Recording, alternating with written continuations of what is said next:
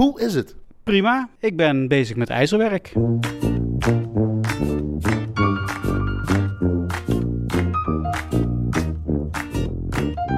We zijn hier in jouw atelier in het werkgebouw op de Tapijnkazerne in Maastricht. En omschrijf even wat we zien vanuit jouw werkplek. Rob van Akker. Ja, mijn werkplaats zit dus in het werkgebouw. Dat is een grote hal met verschillende werkplaatsen. Er zitten dus verschillende makers in dit gebouw. Dat klopt, ja. Je ziet allemaal uh, machines, ijzermachines, een uh, afkortzaag, een boor. Je ziet mijn kantoortje daarboven. Ja, inderdaad. Een mooie, mooie trapje moet je op en een houten kantoortje inderdaad. Heb ik uh, zelf gemaakt toen we hier net inkwamen, want het was ooit gewoon een hele lege hal. Maar dat is geen ijzer op, want jij bent toch van het ijzer? Want ik zie overal ijzer, ijzer, ijzer en nog eens ijzer. Ja, ik moet het een beetje verduidelijken. Ik ben eigenlijk een vormgever die dingen van ijzer maakt. Maar het kan ook met andere materialen. En zeker uh, een paar jaar geleden combineerde ik nog heel veel met andere dingen. Maar de afgelopen jaren is het uh, meer alleen maar ijzer of metaal. Dus vormgever? Die kan lassen. Die kan lassen, dus lasser? ja. En daarnaast uh, sommige momenten ook kunstenaar. Of alles tegelijkertijd. Dat is eigenlijk uh, in de loop der tijd ontstaan. Ik ben uh, opgeleid als vormgever aan de Design Academy in Eindhoven, al lang geleden. Heb daarna werk gedaan als tentoonstellingsontwerper. Van achter de tekentafel bedenken wat andere mensen moeten maken. Maar ik vind het ook heel leuk om zelf dingen te maken. En het liefst iets wat je met je handen maakt. Daarna heb ik ook heel lang in het buitenland gewoond. In verschillende landen in Afrika. En daar heb ik eigenlijk voor het eerst met ijzer te maken gekregen. Met lassers die uh, met een heel simpel lasapparaat en haakse slijper fantastische dingen konden maken. Nou ja, ijzer lijkt heel hard. Maar je kunt eigenlijk heel goed hele verschillende vormen maken. Het kan er heel natuurlijk uitzien.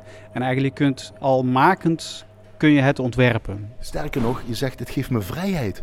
Precies. Ik kan zeg maar een, een idee wat globaal in mijn hoofd zit, uh, wat ik op ruitjespapier teken, uh, kan ik hier op de tafel, wordt het eigenlijk pas precies wat het wordt. Zo, je ziet hier een voorbeeld van een ja, wat keuken. Ja, het is een keukenblok, hè? Aan aanrecht. Ja.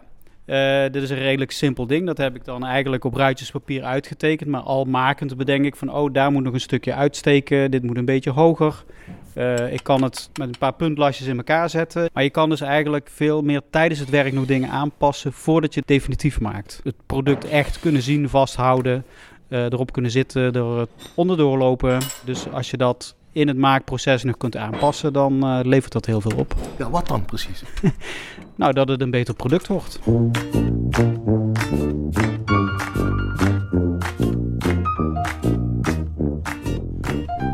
Dat het een verhaal heeft, zelfs zeg jij. Dat het meer betekenis krijgt, zeg jij zelf. Dat is daarnaast ook. Mensen zeggen dat je bent vormgever, maar ik zie me eigenlijk meer als uh, inhoudgever.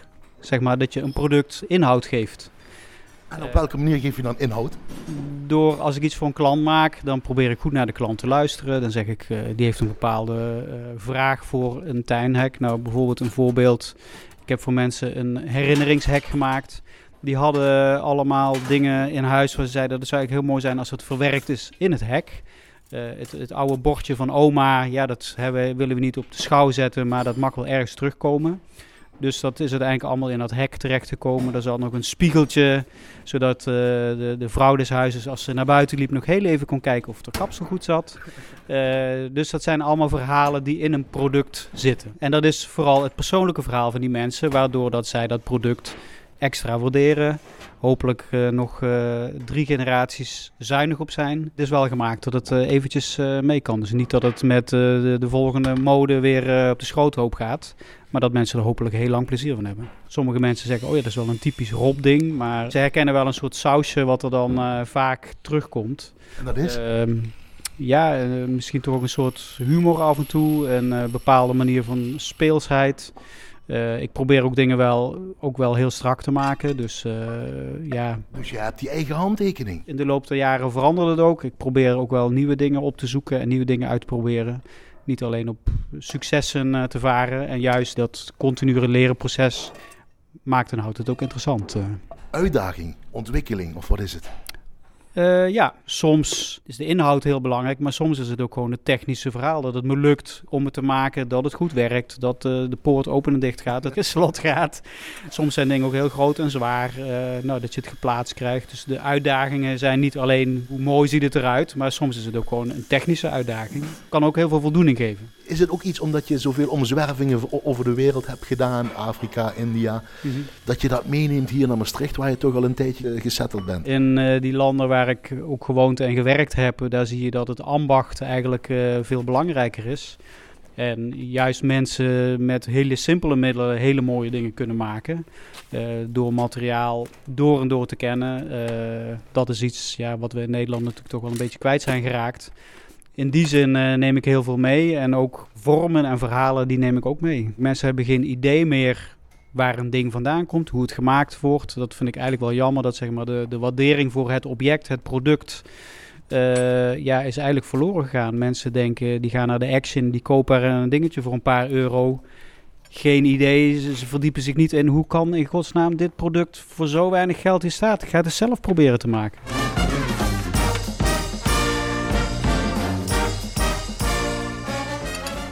Ik ga nu eerst een eh, drager voor de plank maken eh, op het buitenmeubel. En daarvoor moet ik nog eh, zagen, meten, flexen, lassen. Dit is wat voor een machine? Een afkortzaag. Hiermee kan ik profielen, kokersbuizen doormidden zagen. Met, nou, waar je normaal met je zaagje uren bezig zou zijn, gaat hier heel snel. Water erbij.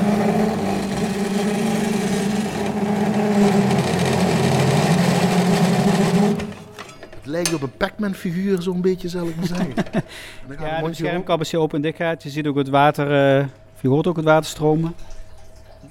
Inderdaad. Dus er zat eh, koelwater met wat olie erin eh, om de zaag te smeren. Allemaal om die buitenkeuken te verfraaien, zal ik maar zeggen. Uiteindelijk om eh, eh, stukjes buis af te zagen waar ik daarna weer het frame eh, mee ga maken. Dus ik heb nu dit stukje. Er zitten allemaal bramen aan. Die, ruwe stukjes, die, eh, dat moet even glad gemaakt worden.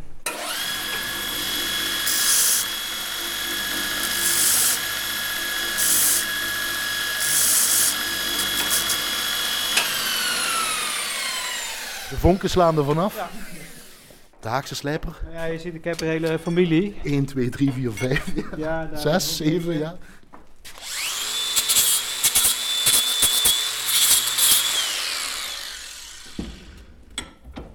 Nou lassen we dit eh, aan elkaar. Bril gaat op. Kap gaat om je hoofd. Slang gaat erin achter. Alsof we op mag staan. Ja. En dan gaan we lassen. Ja, als ik dus aan het werk ben en ik heb ook nog oordoppen in en iemand komt langs, dan moet ik altijd even weer eh, terug van Mars komen. Maar...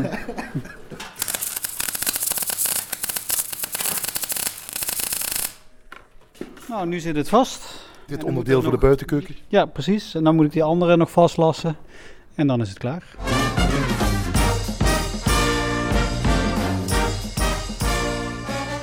Wat ben jij? Wie ben jij? Ik ben het alle drie en ik ben het op verschillende momenten komt het ene meer naar boven dan het andere. Als je al iets raars doet wat een beetje ongewoon is, dan zeggen mensen, oh je bent zeker een kunstenaar. Wij snappen het niet helemaal. Het is een beetje, nou ja, terwijl ik dan zeg, nee, ik ben gewoon een vakman die hier een vak uitoefent en eh, mijn boterham daarmee verdient.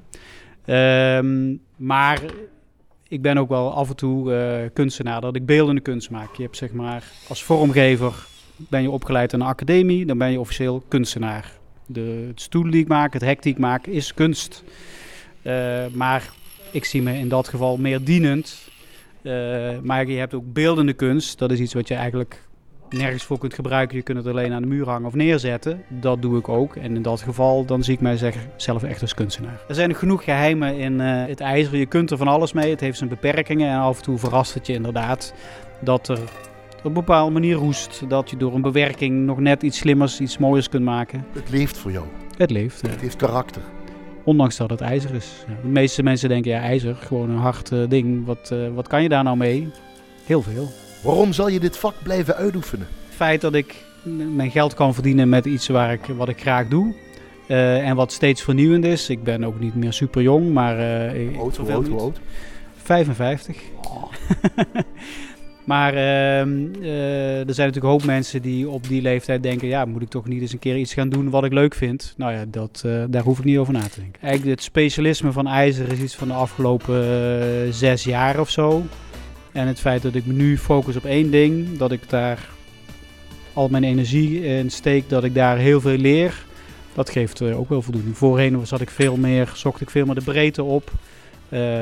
maar juist door dat ene ding goed te doen, nou, ik denk dat ik wel een, een bestemming heb gevonden hierin. ja.